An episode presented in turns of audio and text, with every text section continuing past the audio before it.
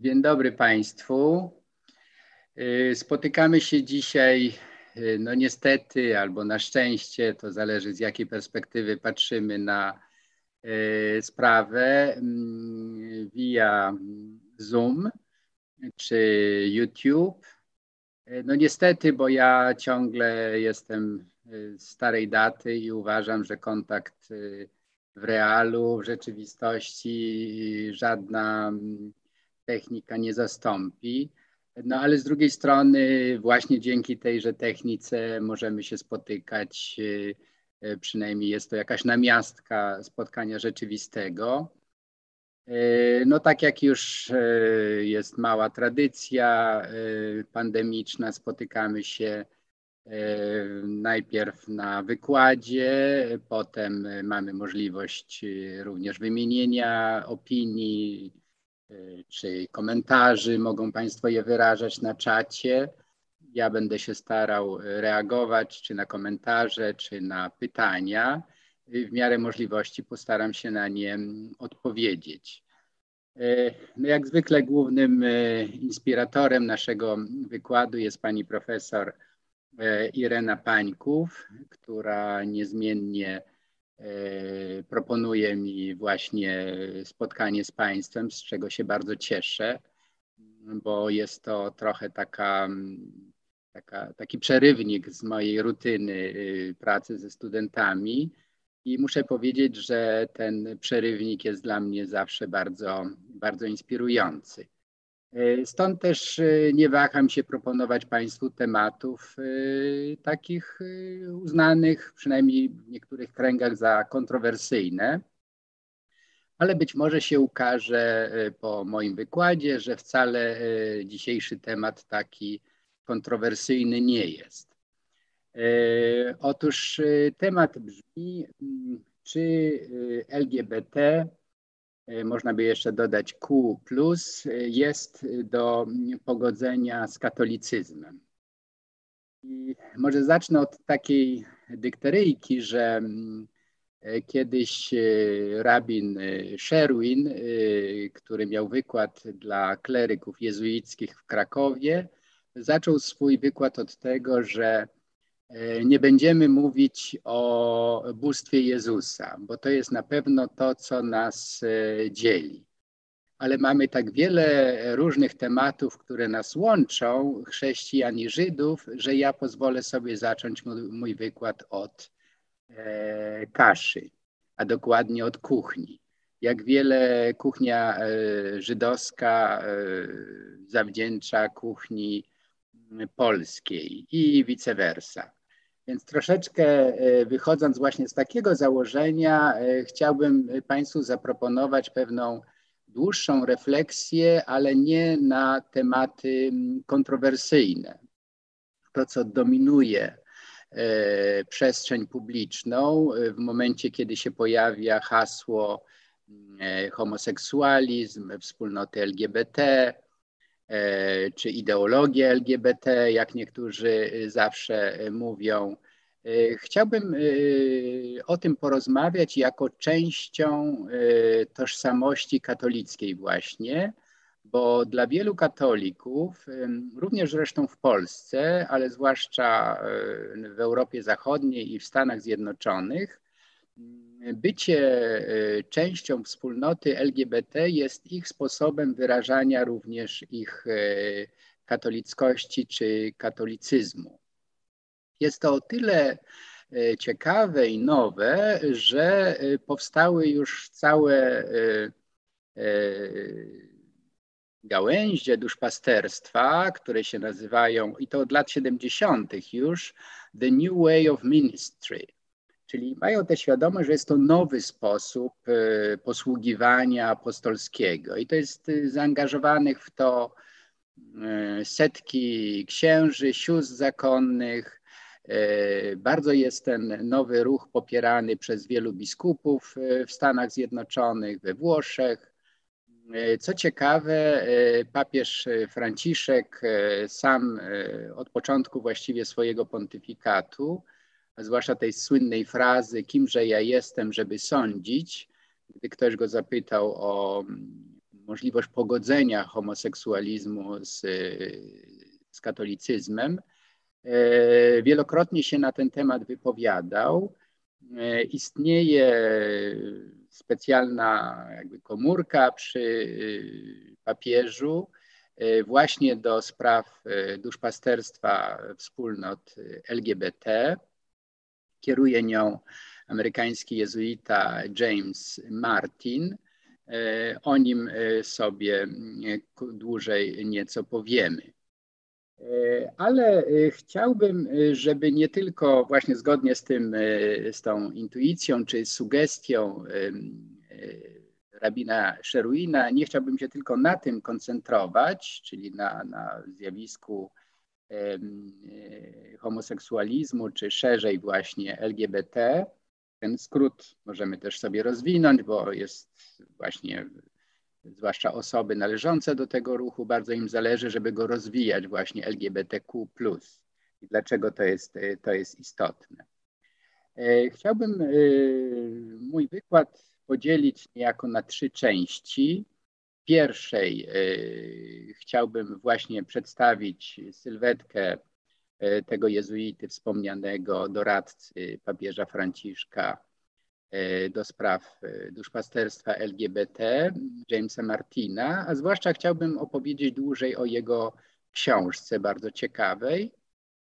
Następnie chciałbym opowiedzieć Państwu o innej książce, która nie wprost traktuje o zjawisku właśnie LGBT i została napisana przez dwie e, już uznane e, feministki polskie, również działaczki feministyczne, e, które są też moimi koleżankami z pracy w Ośrodku Studiów Amerykańskich. I ich książkę poznałem bardzo głęboko, blisko, bo ona jest też, przynajmniej jej angielska wersja, dostępna dla każdego online. Była debata już na temat tej książki, jest przygotowywane polskie tłumaczenie. Wydaje mi się, że ona jest y, ważnym y, dopowiedzeniem y, tej, tego zjawiska, jakby wychodząc z zupełnie innych pozakościelnych perspektyw i badaczki e, Agnieszka Graf i Elżbieta Korolczuk e, używają zupełnie innych mm, kategorii do opisania tego zjawiska i sądzę, że w Polsce e, właśnie ten, ten drugi sposób opisu jest o wiele bardziej znany. E, niemniej jednak e, wydaje mi się, że warto go w naszej dzisiejszej e, refleksji nad możliwościami pogodzenia właśnie wspólnot LGBT z katolicyzmem, warto jej poświęcić chwilę uwagi. I wreszcie na końcu, ale być może to będzie najważniejsza część mojego wykładu i być może naszej dyskusji, chodzi mi mianowicie o film, e, który został zauważony na festiwalu filmów e, polskich w Gdyni, został nagrodzony główną nagrodą. Wszystkie nasze strachy. Tutaj znowu nie chcę wchodzić w kompetencje filmoznawców, nie będę się wymądrzał na temat wartości artystycznej albo jej braku. E, bo takie również recenzje się ukazywały. Chciałbym natomiast właśnie wpisać ten film, który mm, zwłaszcza dzięki głównemu e, bohaterowi, artyście wizualnemu Danielowi Rycharskiemu, e, nabrał bardzo szerokiego odzewu również publicznego. A dlaczego włączam ten film e, w mój dzisiejszy wykład? Dlatego, że Daniel Rycharski jest nie tylko artystą i nie tylko bohaterem tego filmu, ale przede wszystkim jest zdeklarowanym katolikiem. I właśnie jako z jednej strony i również zdeklarowanym gejem. I e, swoją historię tego wychodzenia z szafy, jak to się mówi, czy właśnie outcomingu. E, wielokrotnie już komentował e, w różnych e, wywiadach, czy w swoich właśnie działaniach artystycznych. I sądzę, że jego własna historia, która można powiedzieć jest historią sukcesu, bo pochodząc z małej miejscowości, wsi Kurówka, właściwie wychowując się w tej małej wsi, potem trochę większej miejscowości Sierpcy, wreszcie znalazł się w większym mieście, w Płocku, potem na Akademii e, czy na Uniwersytecie w Krakowie.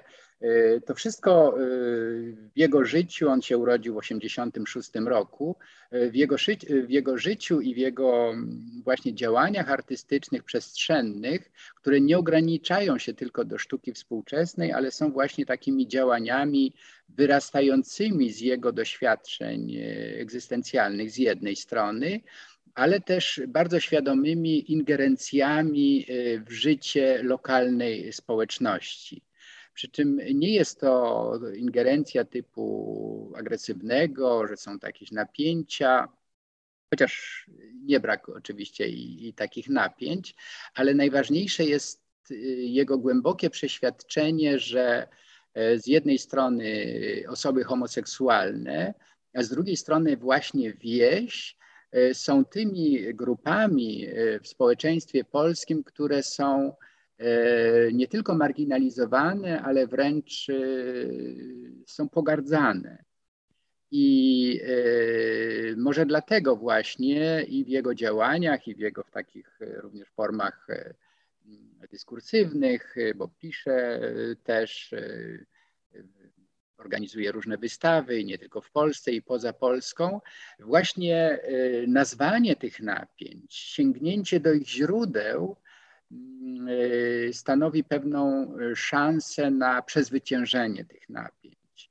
Uświadomienie na przykład nam, chociaż ja sam pochodzę z, ze wsi, z małego miasteczka, czy nawet z PGR-u, czyli mam w sobie jakby zakodowane te lęki czy te e, wstydy, które łączą się właśnie z pochodzeniem, z byciem spoza wielkiego miasta.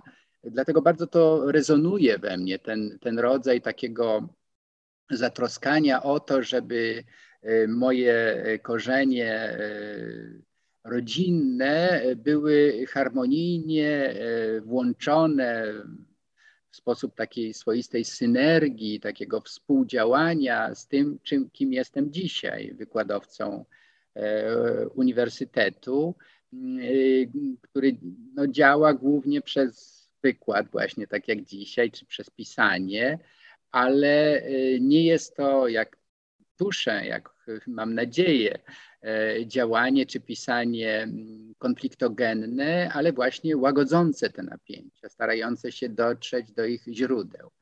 Więc e, podsumowując ten e, trochę może już przydługi wstęp, chcę Państwu powiedzieć, że dla mnie to jest bardzo, bardzo ważne i dlatego zaproponowałem ten temat i mam nadzieję, że również dla Państwa to nowe ujęcie, nowy sposób mówienia, o wspólnotach LGBT e, właśnie w zestawieniu z katolicyzmem e, trochę się zmieni.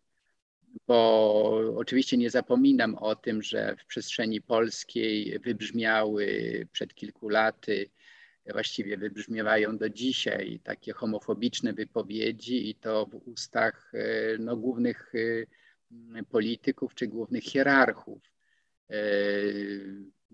naj, najgłośniejsza i taka najbardziej bulwersująca to ta słynna wypowiedź y, arcybiskupa Marka Jędraszewskiego, wygłoszona dwu, y, przed dwoma laty w 2019 roku w kościele mariackim, gdzie mówił o tym, że czerwony zarazy wprawdzie nie ma w Polsce, ale właśnie teraz nam zagraża zaraza tęczowa. Jest właśnie między innymi ta tęcza e, za moją głową, jest takim głosem w tej dyskusji. Mnie się wydaje, że e, mimo, że arcybiskup e, Jędraszewski cieszy się w polskim episkopacie wielkim autorytetem, w niektórych środowiskach jest wręcz hołubiony jako wielki bohater, jest właśnie takim przykładem nie współbrzmienia z tym, co się dzieje w katolicyzmie dzisiaj globalnym. co się dzieje w Watykanie, co się dzieje w Europie Zachodniej, w Stanach Zjednoczonych, gdzie właśnie mm, kolor tęczy jest nawiązywaniem do tego najwspanialszego, najpiękniejszego symbolu przymierza zawartego przez Boga z człowiekiem i to w momencie takim kryzysowym, po potopie. Pamiętamy Noe wychodząc właśnie z Arki, ten mit y, uratowanej e, ludzkości i w ogóle kosmosu, zwierząt, całej przyrody, y, został jakby przypieczętowany przez Boga właśnie w tym, w tym znaku tęczy. I właśnie te pozytywne ujęcia, które są mi bardzo bliskie, właśnie do tego y, nawiązują, do tego sięgają. Natomiast te nienawistne, homofobiczne wypowiedzi y, typu właśnie Jędraszewskiego czy no wielu innych, również teologów jak y, ksiądz Oko, czy polityków jak prezydent Duda, czy minister y, edukacji dzisiejszy, czy Przemysław Czarnek, oni właśnie jakby narzucili siłą i swego urzędu i, i, i kontekstu, w jakim te słowa wypowiadali, pewną narrację, która jest sprzeczna z tym, co dzisiaj katolicyzm proponuje. Oczywiście można mieć e, poglądy homofobiczne, żyjemy w kraju demokratycznym, e, ludzie mają e, poglądy i faszystowskie, i nacjonalistyczne, i i totali autorytarne, ale y, trzeba jasno powiedzieć, że takie poglądy nie są do pogodzenia y, z katolicyzmem, y, który na Soborze Watykańskim II jakby taki wielki manifest otwarcia wobec współczesności wygłosił w różnych swoich dokumentach, które Państwo przecież dobrze znają i nie ma potrzeby ich przypominać.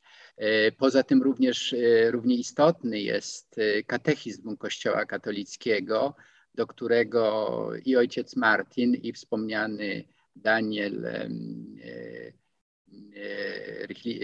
Rychlewski nawiązują. I to jest coś, co warto też sobie przypomnieć, że deklarując się jako katolik, no powinienem sięgać właśnie do Biblii, jako tego tekstu, w którym z którego czerpiemy nasze spojrzenie na świat, e, no i katechizm, tak? Jeżeli ktoś uważa się za katolika, to właśnie tutaj powinien szukać inspiracji, a nie w jakichś e, nienawistnych ideologiach czy ujęciach wykluczających innych. Więc przechodzę do pierwszej, do pierwszej książki.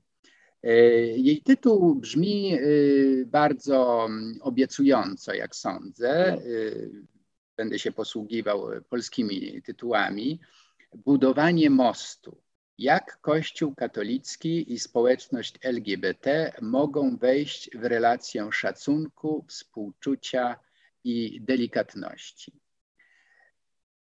E, budowanie mostu to jest y, metafora, która organizuje tę całą książkę. Y, ta książka została, y, doczekała się już wielu tłumaczeń, została przyjęta w sposób no, wręcz entuzjastyczny przez katolicyzm liberalny na całym świecie. Wielu hierarchów ją bardzo poleca.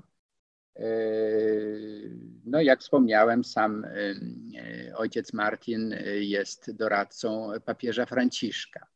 Ale ważne jest również, dlaczego ta książka w ogóle została napisana i jak to się stało.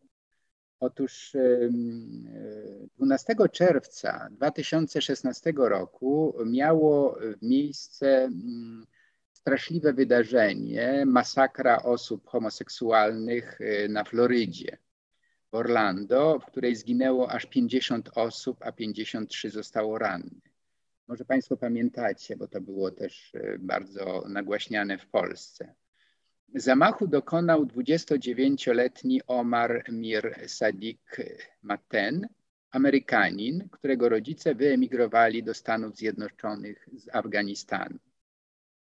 Tej tragedii można było uniknąć, gdyby młody muzułmanin nie zetknął się z mową nienawiści i nie uznał, że dla obrony czystości wiary, tak jak on ją rozumiał, musiał dokonać tego barbarzyńskiego aktu. Niestety ta tragedia, szczególnie odrażająca, szczególnie poruszająca, nie jest odosobniona. Do aktów nienawiści, do, do aktów zabójstw, poważnych okaleczeń e, w skali globalnej dochodzi niemal codziennie. E, ta książka, jak powiada ojciec Martin, powstała z takiego odruchu, żeby zmniejszyć ten stopień nienawiści, jaka, jaki się nagromadził w ludziach, którzy z czystej nienawiści mordują innych. Dlaczego tak się dzieje? Co gorsza, ci ludzie mm, dokonują tych zbrodniczych aktów e, motywowani religijnie. Jest to religijność chora, obłędna, patologiczna. I jak e, mówi takie słynne powiedzenie, już nie wiem komu przypisywane, że ludzie dzielą się na dobrych i złych, ale y, trzeba religii, żeby ludzie dobrzy robili rzeczy y, zbrodnicze. I tu mamy właśnie taki przykład, że ktoś motywowany religijnie dokonuje zbrodni. I właśnie w tym kontekście to duszpasterstwo, o którym wspomniałem, te nowe drogi e, duszpasterstwa, przyznało ojcu e, e, Jimowi Martinowi nagrodę w uznaniu jego usług, zasług, publikacji, bo on jest bardzo obecny i w mediach społecznościowych, bardzo chętnie twitteruje, komentuje bieżące wydarzenia na Facebooku. Jest też redaktorem takiego amerykańskiego e, właściwie dwutygodnika, no można dzisiaj powiedzieć, no, pisma po prostu e, America Magazine, jezuitów amerykańskich, gdzie problemy właśnie związane z, ze wspólnotami LGBT z regularnością podejmuje.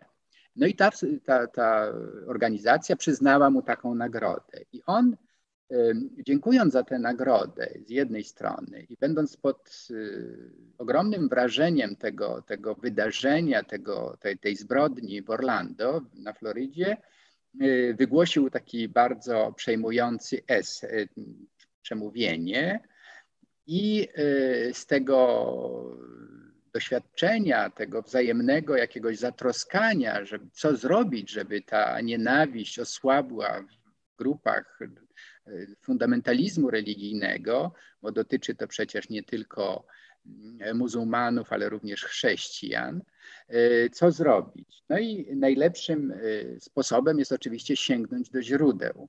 Martin jest y, również autorem takiej bestsellerowej książki o Jezusie, która jest przetłumaczona również na język polski i w ogóle jest takim wziętym, wziętym publicystą katolickim. No więc y, postanowił właśnie napisać y, książkę, y, sięgając właśnie do katechizmu i do Biblii. To jest książka, którą, która powinna być właściwie takim, jakby to powiedzieć, taką, taką, takim przewodnikiem dla wspólnot parafialnych bo jest, tam, jest ona nasycona właśnie tekstami wziętymi z z dokumentów kościelnych, zwłaszcza z katechizmu, e, z Biblii. Jest to propozycja właśnie medytacji o tym, jak e, chrześcijanin powinien się zachowywać, jak powinien czytać Biblię, żeby e, no, nie popełniać takich zbrodni, żeby nie, nie kierować się nienawiścią w spojrzeniu na osoby, które mają inne poglądy czy są innej orientacji seksualnej. I y, w tytule y, są y, te mm, trzy słowa, mm, jak traktować wspólnotę LGBT z szacunkiem, współczuciem i delikatnością. Jest to, proszę Państwa, cytat właśnie z katechizmu.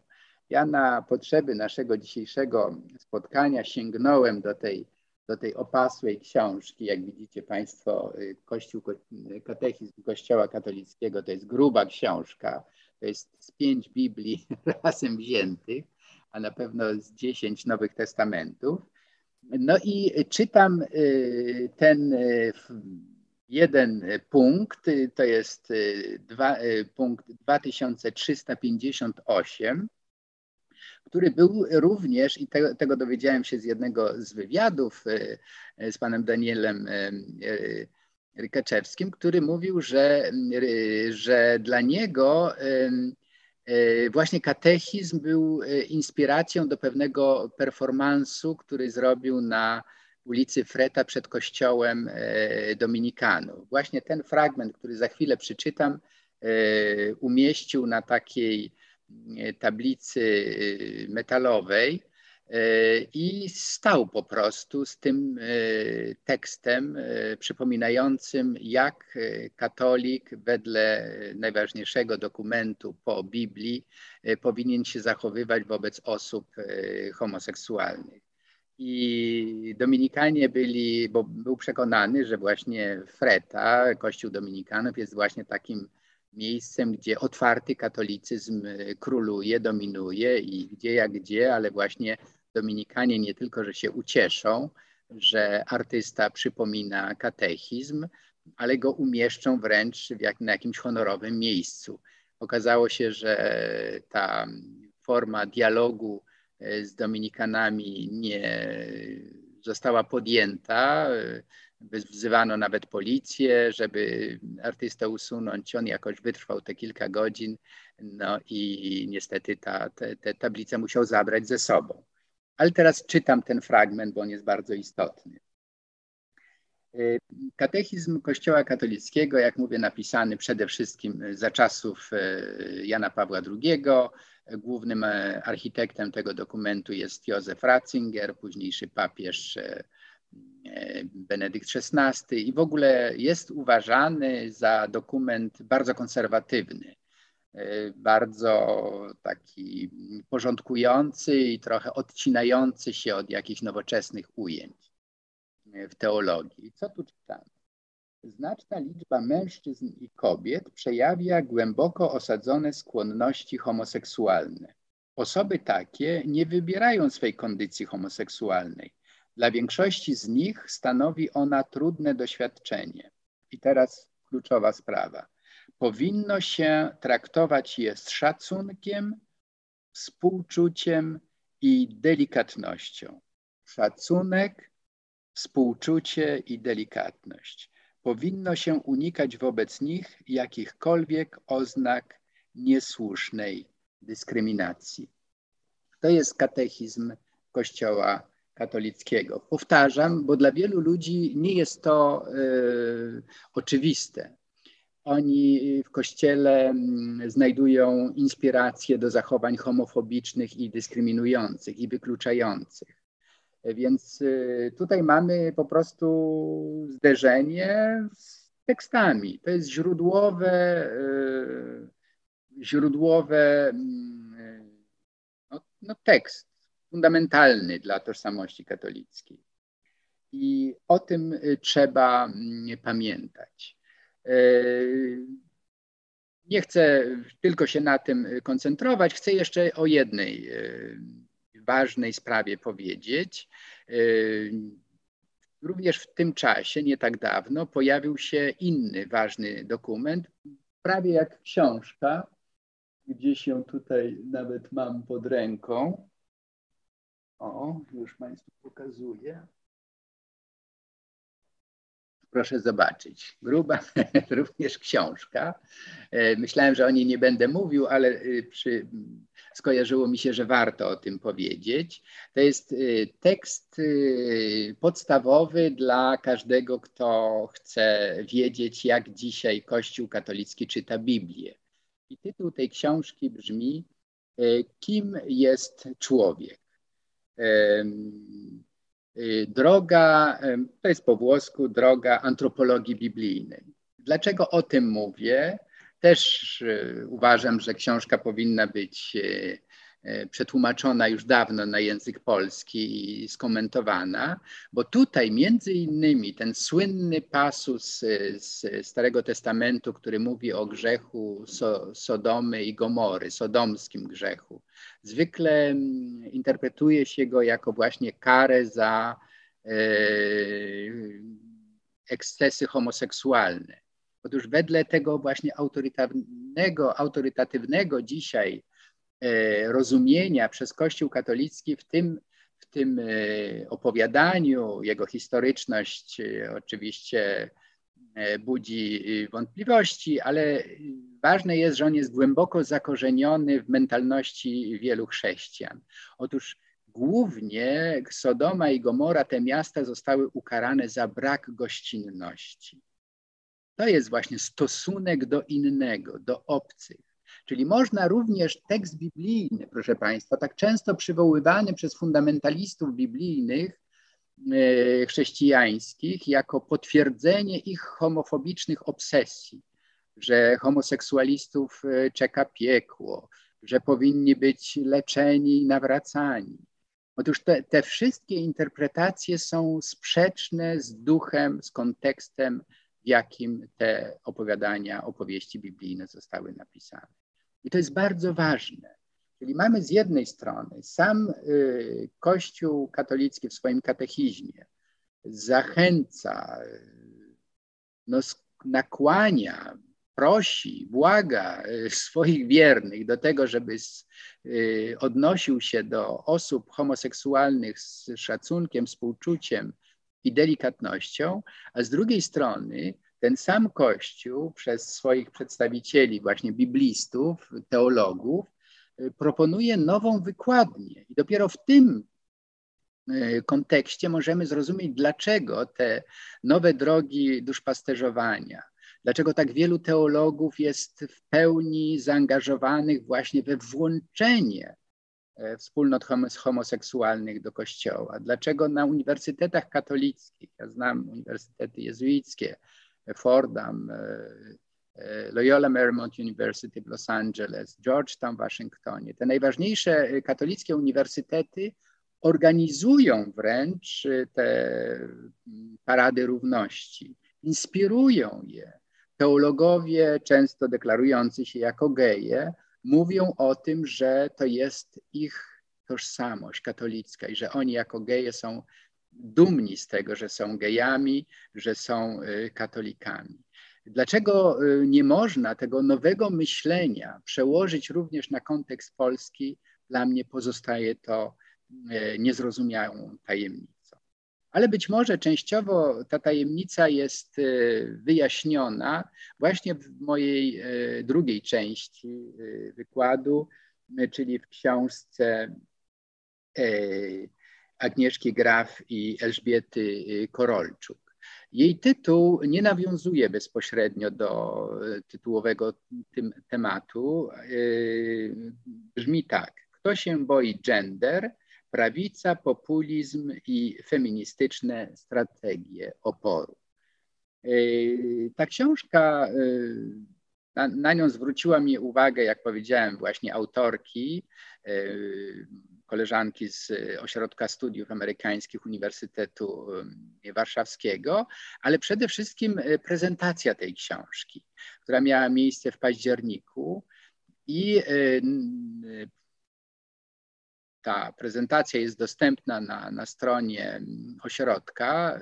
No niestety zapis jest w języku angielskim, no bo tak my mamy wykłady po angielsku i w ogóle wszystko się dzieje po angielsku, ale to nie znaczy, że, że nie można e, jakby z tego korzystać. Dzisiaj angielski, jak kiedyś łacina, taką lingua franca właściwie. Większość ludzi się posługuje e, tym językiem. E, no ale jak powiedziałem, nawet jeżeli ktoś nie posługuje się angielskim, może za kilka miesięcy do tej e, książki sięgnąć, bo przygotowywany jest e, w wydawnictwie, w jednym z polskich wydawnictw, polskie tłumaczenie. Ale dlaczego mówię o książce i o prezentacji?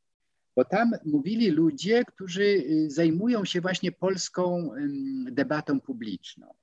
i dyskursem, jaki dominuje w polskiej przestrzeni publicznej.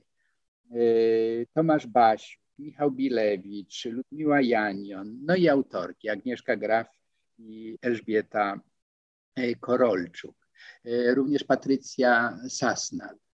I e, dlaczego to jest ciekawe w kontekście naszego dzisiejszego spotkania? Otóż każdy z tych uczestników debaty e, mówił o tej książce z perspektywy własnych kompetencji.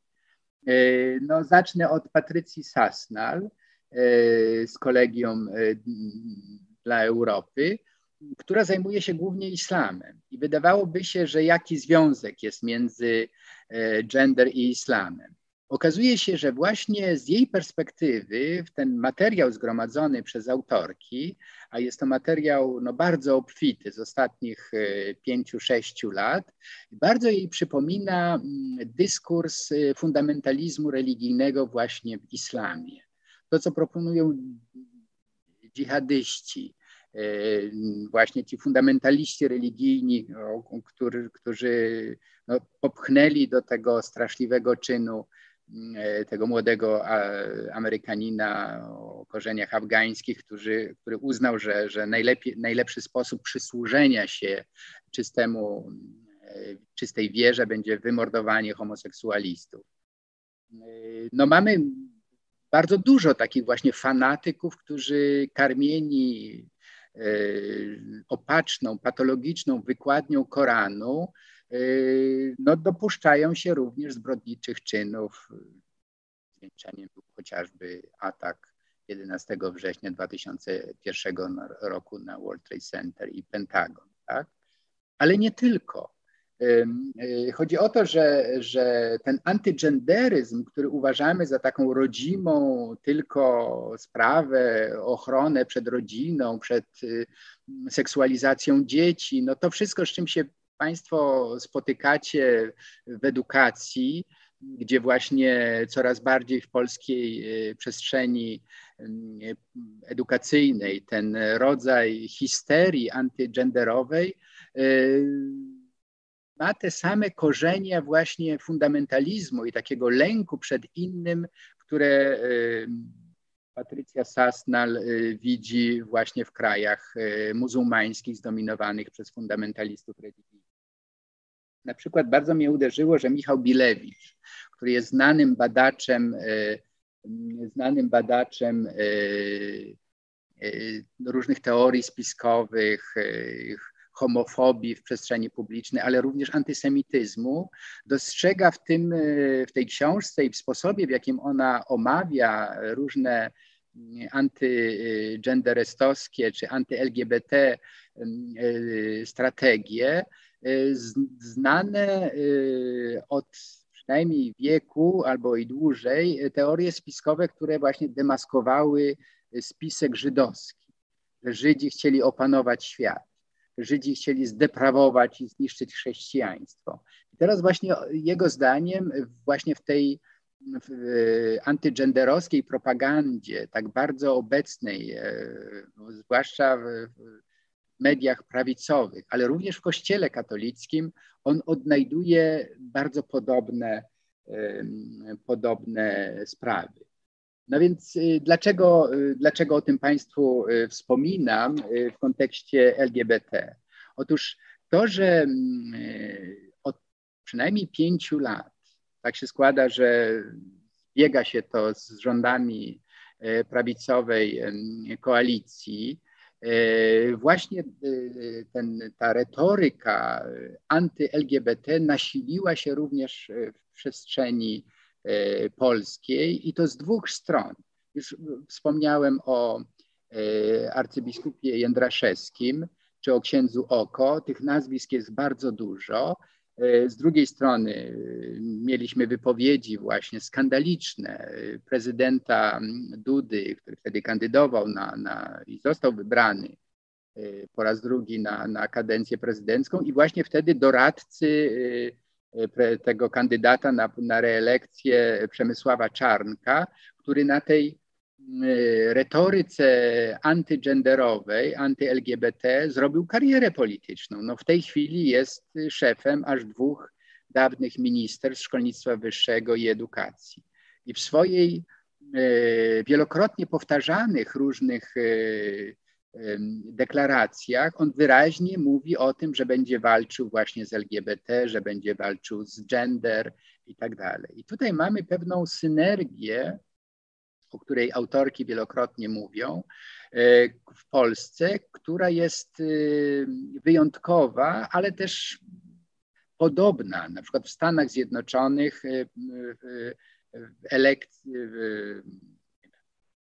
w retoryce Donalda Trumpa ona się pojawiła. E, na Węgrzech u e, Wiktora Orbana, w Turcji u Erdoğana. Czyli wszędzie, gdzie do głosu doszedł i wygrał populizm e, polityczny, właśnie taki często ocierający się o neofaszyzm, ten komponent antygenderyzmu był bardzo obecny. Czyli nawet jeśli deklaratywnie ci duszpasterze typu właśnie Jędraszewskiego czy Oko mówią, że im chodzi głównie o religię i czystość doktryny, że tak naprawdę oni świadomie czy nieświadomie sprzyjają i wręcz umożliwili zwycięstwo populizmu y, politycznego w Polsce. Już nie muszę wspominać, chociaż w książce Graf i Korolczuk ta sprawa wybrzmiała bardzo mocno. Pojawia się również e, Tadeusz Rydzyk ze swoim radiem, ze swoją telewizją, gdzie te właśnie części składowe tej mowy nienawiści, homofobii i antysemityzmu jest bardzo obecny. Więc widzicie, jak tutaj te dwie e, wydawałoby się zupełnie inne książki. Z jednej strony mamy bardzo taką empatyczną, optymistyczną y, książkę jezuity amerykańskiego, który mówi o budowaniu mostów, o tym, że, y, całe, że wspólnoty katolickie powinny wychodzić naprzeciw y, wspólnot LGBT, powinny je integrować. Nie tak dawno słyszałem również na Zoomie, bo teraz dzięki Zoomowi możemy wędrować po całym globie, bardzo ciekawe spotkanie synodalne. Jak Państwo wiecie, w tej chwili w Kościele katolickim toczy się wielka, wielka synodalna debata, jaki ten katolicyzm przyszłości ma być. I właśnie te nowe drogi y, duszpasterstwa, z którymi jestem w kontakcie, zaprosiły mnie na takie spotkanie, które mówi właśnie o tym, że jak y, z peryferii wspólnoty LGBT wchodzą do centrum Kościoła. Dlaczego? Bo właśnie e, ludzie, którzy doświadczyli prześladowań, wcale nie metaforycznych, odrzucenia, ostracyzmu, e, no, faktycznych cierpień, bardzo przypominają drogę Jezusa. Że to jest właśnie chrystocentryczne widzenie ich życia i że oni właśnie dzięki swemu doświadczeniu, dzięki temu, że, że chcą trwać w Kościele mimo, mimo doświadczonych właśnie krzywd i, i, i cierpień, yy, bardzo się odnajdują w różnych przypowieściach ewangelicznych, jako marnotrawnym yy, synie, czy miłosiernym Samarytaninie, o tym samym jest mowa, czy w ogóle o, o Jezusie, który wyjątkowo Y, ciepło y, odnosi się do osób odrzuconych i marginalizowanych.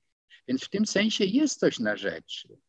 Mam nadzieję, że również y, w polskiej mm, tej debacie otwartej przez Kongres Katoliczek i Katolików to się pojawi i są pewne jaskółki, które mówią, że, że coś na rzeczy jest. Mam tu na myśli biskupa pomocniczego Jareckiego, który y, zadeklarował właśnie, właśnie w ramach tych, y, tego otwarcia synodalnego na innych, że jeżeli wspólnoty LGBT się do niego zwrócą, to on y, nikogo nie będzie odrzucał. Kościół wszystkich przyjmie. To jest właśnie coś, co powoli, bardzo powoli się również w polskiej przestrzeni publicznej przyjmuje bo myślę, że nadszedł wreszcie czas, żeby się przestać zajmować e, właśnie e, tymi niefortunnymi czy wręcz homofobicznymi, nienawistnymi wypowiedziami biskupa Jędraszewskiego czy, czy księdza Oko, bo mamy też no, inne teksty, tak? I to nie jest o mniejszej wadze, wręcz powiedziałbym, że to jest decydujące, czyli szereg wypowiedzi papieża Franciszka, szereg wypowiedzi, no właśnie, katechizm i, i, i no sama Biblia, która pokazuje, na czym tak naprawdę polega bycie człowiekiem wierzącym, właśnie otwartym na inność, przyjmującym z otwartymi ramionami inność. No i wreszcie mój ostatni punkt, bo widzę, że czas nieubłaganie zbliża się do końca, a chciałbym, żeby, żebyśmy na czacie po, podyskutowali z Państwem o tym, co, e, co, y, jakie przemyślenia Państwa ma, macie. No więc film Wszystkie nasze strachy dobrze się składa. To nie było wcale takie pewne, że ten film będzie również wyświetlany w kinach. Będzie. Ja miałem okazję być na premierze. Widziałem ten film już dwa razy i nie chciałbym tutaj z, jakoś za bardzo wchodzić w film pozostawiam refleksje i wrażenia każdemu z Państwa. Jestem i bardzo zachęcam, żebyście Państwo ten film zobaczyli. Ale chcę przede wszystkim powiedzieć, że jest to film, który e, jest filmem o nas. E, już tytuł, myślę, dobrze nazywa rzecz po imieniu. To są wszystkie nasze strachy. Czyli chodzi o to, że tutaj nie ma e, ofiar i, i oprawców, e, nie ma barw biało-czarnych, tylko są właśnie e, barwy tęczowe, jest wielobarwność. Film opowiada oczywiście o tragicznych wydarzeniach historycznych, o samobójstwach osób zaszczutych przez własne środowisko. Nastolatka popełnia samobójstwo mm, właśnie w środowisku wiejskim i mm, właśnie artysta Daniel Rycharski, y, który występuje właśnie, zresztą wspaniale przedstawiony przez y,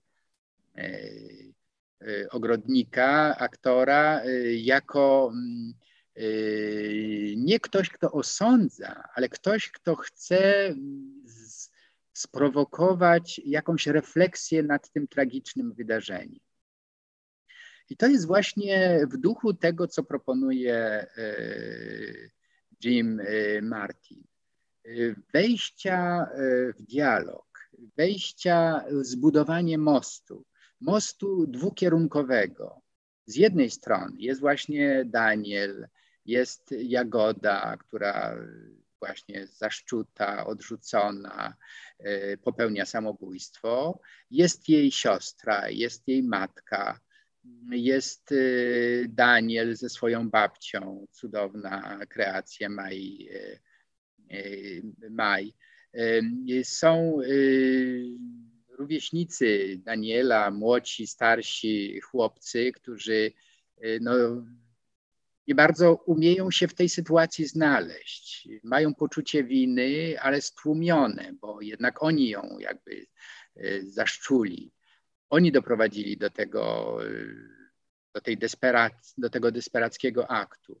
Jest matka, która no przede wszystkim ma pretensje do, no właśnie, pojawia się figura kozła ofiarnego e, czyli Daniela, który jest odrzucony niemalże przez wszystkich, przez własnego ojca, który po, to jest jedna z najbardziej dramatycznych scen tego filmu, kiedy ksiądz odmawia komunii Danielowi.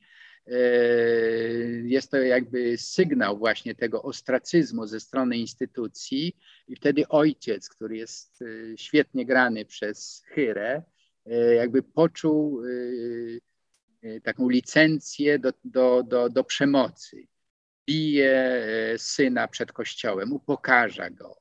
E, no i wszyscy stoją i właściwie nie potrafią, e, w ogóle wspólnota ma kłopot ze znalezieniem słów. No i, i tak moglibyśmy tak zostać, ale jednak artysta się nie poddaje. Proponuje pewien, pewne wyjście z tej sytuacji, z, tej, z tego patu, z tego stanięcia naprzeciw sobie właśnie oskarżających, a właściwie obie strony oskarżają i jednocześnie obie strony są oskarżone, bo oskarża matka, że Daniel jako artysta dojrzalszy, bardziej świadomy, no, bałamucił córkę. Te oskarżenia pojawiają się zwłaszcza ze strony, ze strony siostry, ale też i matki. Z kolei Daniel no, wyraźnie jest przedstawiony z, takim, taką empatią jako ofiara tej, tej wsi homofobicznej. Tak? Ale właśnie akt twórczy, budowanie krzyża, potem droga krzyżowa, która się nie odbywa na wsi, która nie, ch nie chcą mieszkańcy w niej uczestniczyć, jest przeniesiona do Warszawy. Yy, bardzo ciekawie wystawa Muzeum Sztuki Współczesnej przenosi się na ulicę, bo ten główny jakby eksponat tej wystawy, krzyż, zostaje potraktowany jako element już bardzo mocnej ingerencji w przestrzeń miasta. To jest naprawdę droga krzyżowa i y, uczestnicy tej, tego wernisażu idą razem z artystą. Więc y, chcę opowiedzieć, że, że ten film, wszystkie nasze strachy, on y, porusza się na bardzo wielu poziomach i uruchamia bardzo różne emocje w nas. Z jednej strony no, mamy pretensje do matki, która nie potrafiła zaakceptować inności seksualnej córki, ale z drugiej strony współczujemy też tej matce, że ona jednak zdobywa się na ten gest i, i daje jakąś kurtkę e, Danielowi, żeby użył tej kurtki do jednej ze swojej kreacji właśnie wizualnej, y, strachy, które mają też y, z jednej strony ten symboliczny wymiar, y, bo jest, są w formie krzyży, na które są nałożone właśnie ubrania ofiar tych samobójstw, osób zaszczutych, wykluczonych ze wspólnoty, ale też mają też praktyczny ten wymiar, że są strachami na dzików, które tam niszczą łąki i tak dalej. Więc y, o co chodzi mi, żeby, żeby było jasne? Zaproponowałem Państwu ten y, dzisiejszy wykład, który jest taki może, może niespójny i trochę y, składający się z trzech pozornie niezłączonych ze sobą elementów, ale jednak gdzieś na wyższym poziomie jestem przekonany, że składa się na pewną propozycję debaty i złagodzenia napięć między stronami sporu.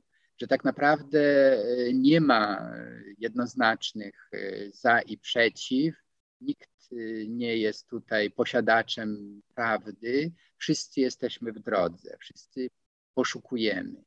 I, i, I, dobrze by było, żebyśmy, no korzystając z tego, że nie wiem, część może z Państwa należy do Kościoła i trochę się nieswojo w tym Kościele czuje, który jest właśnie rozsadnikiem homofobii, tego, tego języka wykluczającego, ale z drugiej strony być może nie wiedzą Państwo, że ten sam Kościół jest również miejscem, w których te wspaniałe inicjatywy powstają, jak ta książka, czy no, szereg wykładów y, głoszonych właśnie przez ojca Martina i wielu innych w przestrzeni publicznej są one dostępne. Można y, przecież od nich, y, z nich czerpać. No i, i no od nas zależy. Wybór jest przed nami.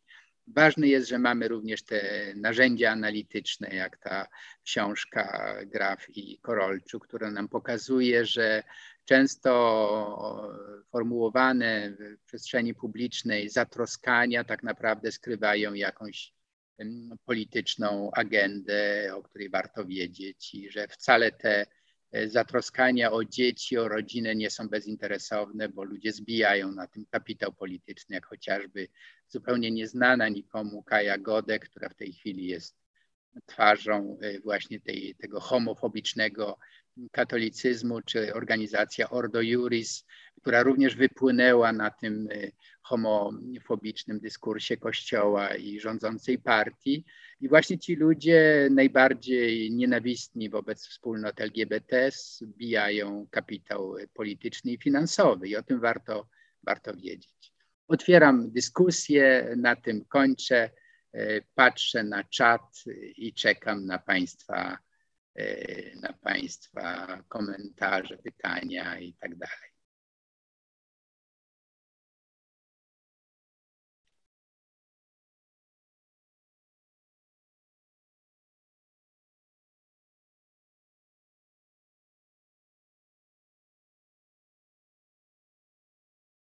Panie Krzysztofie, czy y, na ten czat y, wchodzimy teraz?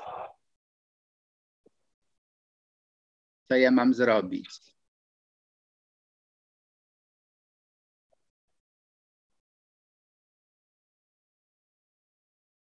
A, jest, tak. Wszedłem na czat. Dziękuję bardzo.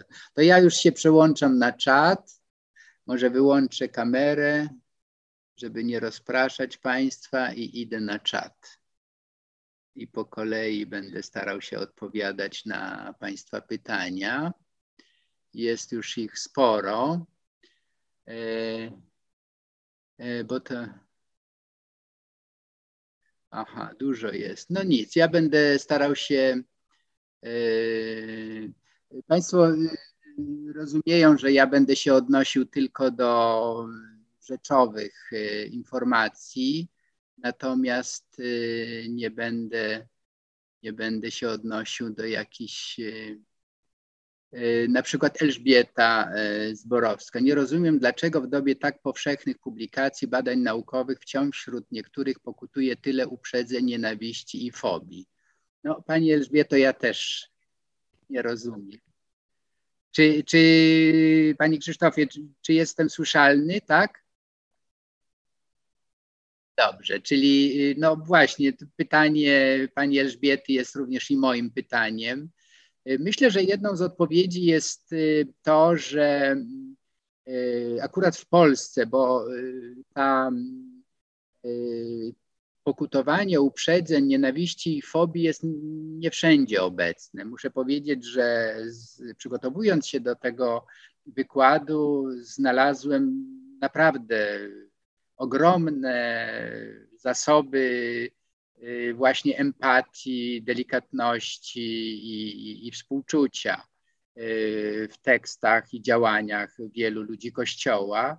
Więc y, myślę, że pewnym nieszczęściem Polski jest to, że dominuje u nas episkopat w swojej większości homofobiczny. Kościół katolicki wspiera niestety homofobiczne organizacje typu właśnie Ordo Juris, które bardzo chętnie się włącza w takie e, akcje jak e, obszary wolne od LGBT. Mm, więc to wszystko jest no, taką orkiestracją nienawiści i, homofobii, ale z drugiej strony, no jednak już większość tych obszarów, tych rad czy samorządów wycofało się z tych deklaracji. Y, nie wiem, czy zmienili poglądy, czy tylko dlatego, żeby nie dostali dofinansowania z Unii Europejskiej, to już inna sprawa, ale faktem jest, że również w Polsce powoli, powoli się zmienia. E, pan Piotr, tolerancja nie polega na tolerowaniu własnych poglądów. E, no to jest, jak rozumiem, pewna złośliwość, której nie bardzo rozumiem, ale chodzi o to, że tolerancja jest o wiele bardziej wymagająca niż homofobia. Właśnie tolerancja polega na tym, że ja się przynajmniej próbuję zapoznać z tym, co inni mają do powiedzenia i co myślą. Jest gotowością wejścia w rozmowę więc y, przepraszam, ale to nawet jeśli to miała być, miał być żart, nie jest on zbyt y, mądry. Następna, Dog. Bardzo i z delikatnością współczuję katolikom, że ich religia nie dopuszcza do logicznego myślenia. Żadna osoba nie heteronormatywna nie potrzebuje współczucia, lecz zaprzestania dyskryminacji. Tak, to jest bardzo, bardzo słuszne. Też muszę powiedzieć, że myślę podobnie, że współczucie y, to jest, y, no ale wie pan, no, z drugiej strony lepiej y, zetknąć się ze współczuciem i zrozumieniem niż z niechęcią i nienawiścią. Więc w tym sensie uważam, że tolerancja jest, czy delikatność jest pierwszym krokiem do tego, żeby po prostu ucieszyć się z tego, że ludzie inaczej myślący są wokół mnie, wzajemnie się wzbogacamy. Tutaj nie ma, e, no, krótko mówiąc, lepiej żyć w kraju tolerancyjnym, otwartym niż przepełnionym homofobią. Cezary. Podoba mi się ta narracja oni źli, nieuki, my dobrzy, mądrzy. Współczuję wszystkim nieomylnym, żyjącym w swojej bańce społecznej. Nic dziwnego, że coraz skrajniejsze poglądy stają się normą. No to jest bardzo, e, znowu z tych e, złośliwych e, komentarzy. Wie pan, no można oczywiście i tak, ale mam wrażenie, że w moim wykładzie starałem się być otwarty na źródła, na jakich oparte są publikacje. Zachęcam do lektury, wyrobienia własnego zdania. E, staram się rozumieć również źródła, z których czerpią osoby homofobiczne. E, staram się pokazywać, że to nie jest do pogodzenia z, z katolicyzmem i tyle. Rob. Najlepsze, że Jędraszewski sam jest gejem, info z bardzo wiarygodnego źródła. No to jest y, pański komentarz jest y, myślę bardzo y, trafny, bo wiele osób homofobicznych, jak to pokazuje na przykład w swojej znakomitej książce Fredrik Martel, Sodoma, pokazuje, że 80% wysokich hierarchów w kościele katolickim w Watykanie jest właśnie gejami a jest to jedna z tych instytucji, jak już dzisiaj wiemy bardzo dobrze z, z omawianej przeze mnie publikacji Graf i Korolczuk, e, no, są homofobami po prostu. No, przy całym moim szacunku i sympatii dla papieża Franciszka muszę powiedzieć, że on sam również sygnuje różne dokumenty, które są obraźliwe dla dla osób homoseksualnych, więc y, mamy do czynienia tutaj z pewnym rodzajem schizofrenii w Kościele y, katolickim. Arcymocarz, czyli wychodzi, że największe problemy z gejami robią same geje. No, to jest, y, pozwolę sobie pominąć. E, życzę księdzu, by zdążył się nawrócić i odpokutować jeszcze na ziemi za gorszenie maluczkich. No, ja y, księdzem nie jestem od 16 lat, ale rozumiem, że dla pani Petry, y, zgodnie z niektórymi teologami, raz wyświęcony zawsze księdzem, czy raz jezuita, zawsze jezuita. Y, no, rozumiem. Wielu ludzi tak uważa jak pani, że to, co ja robię, jest gorszeniem. Ja może nieskromnie, ale uważam, że zachęcam moich słuchaczy, moich widzów, moich studentów przede wszystkim do myślenia. Nigdy sobie nie, rościłem prawa ani nie miałem pretensji być nieomylnym w odróżnieniu od wielu innych. No i jeśli sprowokowałem u Pani jakieś myślenie, to mam nadzieję, że tak, tak to będzie. Dobrze. Y, sprawa może pan. Yy, yy, dobrze. Gerwazy, może to. Nie zmienia to faktu, że czyn homoseksualny jest grzechem w katolicyzmie i nic tego faktu nie zmieni. Na pewno nie zmieni tego jakiś jełop, którego ktoś nazwał profesorem. No, pan Gerwazy, jak rozumiem, do mnie pije tutaj. Nie jest to poziom rozmowy, który y, bardzo mi odpowiada, ale jeżeli y, profesura jest dla Pana irytująca, no to nic na to nie poradzę. Natomiast w samej istocie pańskiego zdania jest ważne to, co Pan mówi, że dla katolicyzmu tego ortodoksyjnego czyn homoseksualny jest grzechem.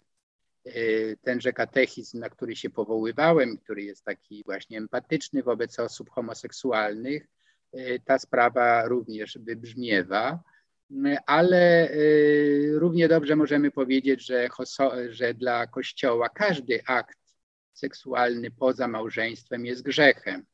Więc w tym sensie również heteroseksualne osoby, które y, żyją poza małżeństwem y, właśnie seksualnie, w oczach Kościoła są y, grzesznikami. Cały problem dopuszczenia do komunii osób, które żyją po rozwodzie, w nowych związkach, więc tutaj y, można by powiedzieć, że pan Gerwazy swoim y, zdaniem otworzył bardzo ważny obszar dyskusji w Kościele katolickim, żeby nie koncentrować się tylko na y, jednym wymiarze osób homoseksualnych, aby, ale aby je widzieć właśnie w całym spektrum. Na przykład, no jak Daniel, który w swoim artyzmem e, wprowadza bardzo istotny aspekt estetyczny e, do, do wsi, w której, w której robi swoje, swoje e, właśnie te performanse wizualne. Jest bardzo aktywną częścią wspólnoty, która domaga się podmiotowości, bierze udział w proteście, blokuje ulice, żeby właśnie dać znać politykom i samorządowcom o problemach lokalnej e, społeczności wiejskiej. Przecież e, w Polsce są również geje w polityce, są nawet wójtowie, sołtysi wybierani jako e, znakomici samorządowcy. I, i, I, jednym z powodów, dla którego zaproponowałem Państwu ten e, dzisiejszy wykład, jest to, żebyśmy się nie koncentrowali tylko na tym, co, co dzieli, że jest to zjawisko społeczne. Po prostu nie powinniśmy tolerować w sobie i w innych e, nienawistnych emocji. Jak można być biskupem i przy każdej nadarzającej się okazji stygmatyzować osoby, które y, należą do mniejszości seksualnej.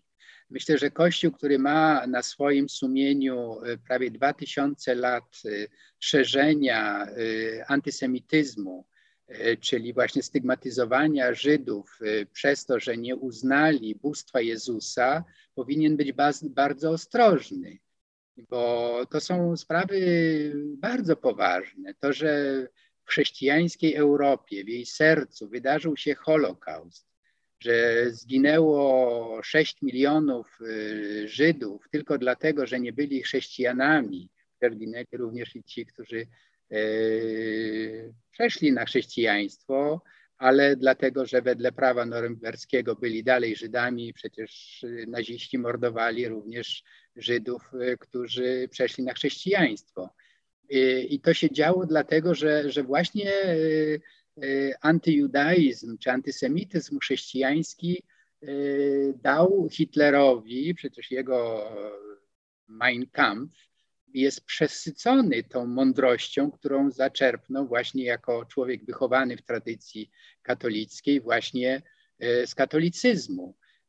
To, co naziści wprowadzali, są bardzo szczegółowe badania na ten temat jak bardzo zaczerpnęli z bogatego dziedzictwa właśnie zamykania Żydów w gettach, naznaczania ich y, y, specjalnymi jakimiś y, znakami w średniowieczu. To wszystko chrześcijanie jakby wymyślili. Więc to, że dzisiaj widzimy radykalny populizm polityczny, który sobie podaje rękę z radykalizmem e, religijnym, to powinno dawać ludziom myślącym do, do czynienia. Dobrze, może następne. Y, Małgorzata. Ten czat tylko potwierdza, że jesteśmy bardzo zamknięci na innych, na wiedzę, współczucie. To smutne. Dziękuję za wykład i życzę, aby nasze społeczeństwo zmieniło się pomimo przeciwności. No bardzo Pani y, Małgorzacie dziękuję za ten głos, bo on rzeczywiście y, jakby nazywa to, o co chodzi. Y, również czat, y, proszę Państwa, to jest jakaś forma publicznej obecności. To, że y, po tylu artykułach w mediach pojawiają się takie nienawistne komentarze, że pojawia się tyle hejtu, to jest dla mnie bardzo zagadkowe, dlaczego tak bardzo jesteśmy Y, jednostronni, dlaczego nie jesteśmy zaintrygowani. Na przykład dla mnie jest taką, takim wielkim pytaniem, dlaczego ta wspaniała książka jezuity, y, jak wspomniałem, doradcy papieża Franciszka, nie została przetłumaczona na język polski. Na przykład została przetłumaczona na, na, na język włoski z entuzjastyczną, naprawdę przedmową kardynała y, Bolonii Cipiego. E, czy w Polsce nie mógłby się znaleźć biskup, który by podobnie zrobił? E, wielu e, biskupów amerykańskich bardzo chwali to, co robi James Martin. Dlaczego żaden biskup polski, no wspomniałem o, Jędrasz, o biskupie Jarockim tutaj, który zaprosił wspólnoty LGBT do, do rozmowy, więc może, może i tutaj się zmieni. E, pani Ewa pyta. E, pytanie do pana profesora. Z własnego doświadczenia, jak pan ocenia postawy młodzieży katolickiej? Czy jest jakaś nadzieja na przyszłość?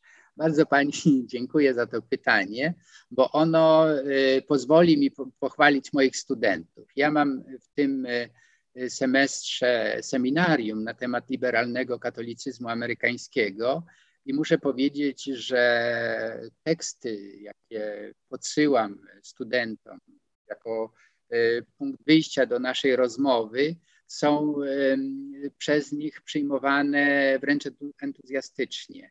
Mają swoje zdanie. Ciągle mówią, że u nas w Polsce to jest bardzo trudne, bo i tak dalej. Ale e, ja zawsze mówię, no ale wy jesteście też częścią tej, e, tego polskiego pejzażu jeśli nie wszyscy są katolikami, to w każdym razie no, młodzież polska jest y, częścią Kościoła katolickiego również. Jeżeli przynajmniej ci studenci w naszym ośrodku studiów amerykańskich są tak y, y, otwarci na te nowe impulsy przychodzące z zachodu, to jest, jest nadzieja. Tak. Mam, mam ogromną nadzieję, że e, również w, e, w, tych właśnie mediach społecznościowych będzie coraz więcej tych, e, tych dobrych po prostu emocji, empatii. empatii. No, jest, gratulacje za Gomorę. Bardzo dziękuję. Rzeczywiście nie, nie, chcę uprawiać tutaj reklamy Gomory, ale my tam też trochę z, ze współautorem, mecenasem Arturem Nowakiem, problemem homofobii i tych właśnie uprzedzeń się zajmujemy, głównie jeśli chodzi o biskupów, ale też polityków. I bardzo nas cieszy, i to muszę Państwu powiedzieć, no tak na zasadzie właśnie rozmowy, bo ten czat traktuję trochę jako rozmowę e, podsumowującą nasz e, mój wykład, że dzieje się w Polsce też dużo. E, dzieje się dużo i, i dobrego też. Dlatego patrzmy patrzmy również w stronę tego, co się dzieje dobrego. Na przykład takim dobrym znakiem jest to, że polska młodzież jest liderem, jeśli chodzi o sekularyzację. Większość y, to są badania bardzo solidne na dużych takich grupach na całym świecie prowadzone i okazuje się, że polska młodzież jest liderem sekularyzacji. Co to oznacza? nie tylko to, że ma dość kościoła, że się zniechęciła do, do właśnie tej retoryki obecnej na polskich ambonach, ale chodzi o to, że my właśnie w Gomorze wprowadzamy taki termin nons, czyli e, ludzie, którzy w momencie, gdy są pytani o to, do jakiej religii czy wyznania należą, piszą non, czyli żadne. Ci nons są uważani przez niektórych teologów, na przykład Petera Fana, wykładowcy z Georgetown University, za najbardziej twórczy ferment w Kościele katolickim. Czyli czasem właśnie mówienie mówienie nie instytucji jest też takim wołaniem o jej zmianę na lepsze. I to wydaje mi się jest bardzo, bardzo ważne. Yy, myślę, że powoli będziemy się zbliżać, proszę Państwa, do końca, co nie znaczy, że wyczerpaliśmy temat, bo cieszę się bardzo z tego, z tego żywego czatu. Yy, Pozwolę sobie przeczytać podziękowanie. E, dziękuję Pani Profesorze za ten pełen humanizmu wykład. Niestety wciąż w Polsce przeważa myślenie, myślenie inny, gorszy od nas. E, taki głos jest ważny. No, cieszę się, że, że tak e, Pan, Pani, bo trudno mi z, z niku wyrozumieć, kto pisze, ale tak, ja myślę, że tak jak y, ja zresztą y, przyznam się Państwu, że jestem w kontakcie z wieloma ludźmi, z którymi, o których dzisiaj mówiłem i z, z tym Jimem, z jezuitą Jimem Martinem również i często go dopytuję właśnie, jak, jak on to robi, że że zachowuje optymizm i wiarę, że, że będzie będzie lepiej. No więc on ciągle powołuje się na spotkania z papieżem Franciszkiem, na listy, jakie od niego dostaje, na reakcje.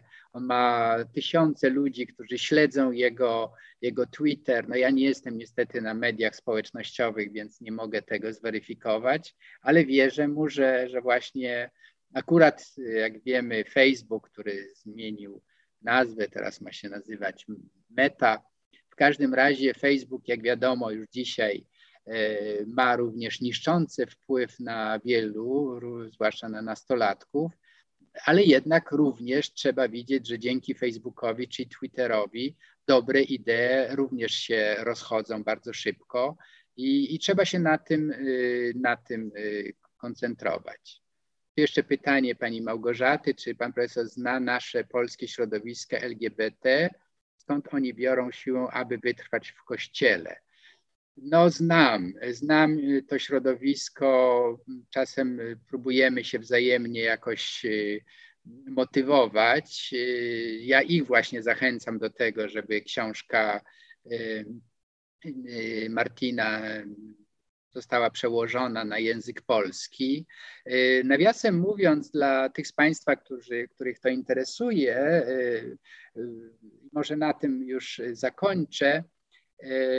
Jest bardzo obiecujące środowisko katolików, którzy się sami nazywają lewakami czy katolewicą, wokół KIK-u, Katolickiego Klubu Inteligencji Katolickiej tutaj w Warszawie. Oni wydają pismo Kontakt. I to pismo jest dostępne również e, online. Bardzo Państwu zainteresowanym e, w pogłębieniu tej problematyki to pismo polecam, bo tam e, pojawiły się, zostały opublikowane i przetłumaczone dwa teksty Jamesa Martina. Jeden to był jego wykład w Dublinie, który wygłosił tam przy okazji wizyty papieża Franciszka. Właśnie propagujący to nowe myślenie katolickie, przyjazne, empatyczne wobec osób LGBT i inny, który jest częścią właśnie tej książki o budowaniu mostu, że jest to most dwukierunkowy. I myślę, że to jest bardzo ważne, bo jeden z głosów na czacie mówił właśnie o tym, że go bardzo irytuje, że, że Kościół tak bardzo współczuje i tak dalej. Ja myślę, że, że to jest bardzo istotne, żeby, że, że tutaj nie mamy do czynienia z tylko ruchem jednokierunkowym. To znaczy, że Kościół jako instytucja, jako kler, jako biskupi, jako papież może od osób e, LGBTQ dużo się nauczyć, dużo się dowiedzieć. Na przykład tego, jak bardzo ludzie wypowiadający się w, w jego imieniu y, y, ranią ludzi, jak wiele krzywd ta instytucja wyrządza dzisiaj, tu i teraz, jak bardzo na przykład Kościół Polski, proszę zauważyć, tu ktoś się wypowiada dość sceptycznie na czacie o papieżu, antypapież, sekta jezuitów i tak dalej, no to jest y, rzeczywiście takie myślenie fundamentalistów katolickich. E, w Stanach Zjednoczonych wręcz dwa lata temu był pomysł, żeby odwołać papieża, że powinniście podać do dymisji czy abdykować, no bo w ogóle zdradza katolicyzm. Y, kto tak myśli, to powinien wiedzieć, że już sam się zdeklarował jako antykatolik i że przestaje być w tym momencie e, katolikiem. Więc warto to odwrócić. To znaczy, ci, którzy nie odnajdują się w tym nowym kościele, e, to y, powinni wiedzieć, że może ich miejsce jest poza kościołem, właśnie w, jakiejś takiej sekcie fundamentalistycznej, takiej takie Dasz albo ISIS katolickie. Są takie. Jest ksiądz Natanek, który sobie tworzy własny kościół. Jest pan Międlar, który zaczynał jako ksiądz, a w tej chwili właśnie jest takim bojową twarzą nacjonalizmu y, katolickiego. Więc y, nie wykluczam takich ewolucji również, ale, ale tak, to, tak to jest. I zakończę, tak jak zakończy, zacząłem anegdotą z rabinem, zakończę anegdotą z teologiem, e, również amerykańskim. E, rzecz dzieje się w Chicago. Uczestniczę w takiej debacie na temat zmiany stosunku Kościoła katolickiego do Żydów. John Pawlikowski, który bardzo dużo zrobił, żeby właśnie to nowe myślenie o Kościele wprowadzić również w Polsce. Wiele jego tekstów jest przetłumaczonych na język polski. No i mówi, jak ważny jest dialog e, z judaizmem, jak e, judaizm wzbogaca chrześcijaństwo bardzo, jak korzenie chrześcijańskie są w judaizmie. No właściwie Jezus, Matka Boska, to są wszystko korzenie żydowskie. Jezus i, i Maryja, jego matka to przecież Żydzi, apostołowie to Żydzi i tak dalej. No i wtedy ktoś z uczestników, jak tutaj niektórzy z uczestników na czacie puściły tam komuś nerwy i zgłosił się i zaczął mówić o tym, jaki straszny jest Talmud, że z Żydami nie można rozmawiać, bo to są fałszywi i tak dalej, i tak dalej. Ja przyznam się, byłem współgospodarzem tego spotkania, trochę zamarłem, że tu taki wstyd, a ojciec Pawlikowski, który zachowuje stoicki spokój, mówi to y, bardzo ciekawe, co Pan mówi, ale z tym nie zgadza się, to jeszcze były za czasów y, Jana Pawła II, mówi, ale z tym papież y, polski na pewno się nie zgadza i w momencie, kiedy Pan głosi takie poglądy, jest Pan poza Kościołem. Więc ci wszyscy, którzy się nie zgadzają z papieżem Franciszkiem, automatycznie w sprawie stosunku otwartego, empatycznego, pełnego życzliwości do LGBT znajdują się poza Kościołem. Przykro mi, że część uczestników tego czatu znalazła się poza Kościołem, ale to nie ja mówię, tylko papież Franciszek. Bardzo Państwu dziękuję za uwagę i myślę, że tematu nie wyczerpaliśmy, ale przynajmniej go napoczęliśmy. Do widzenia Państwu.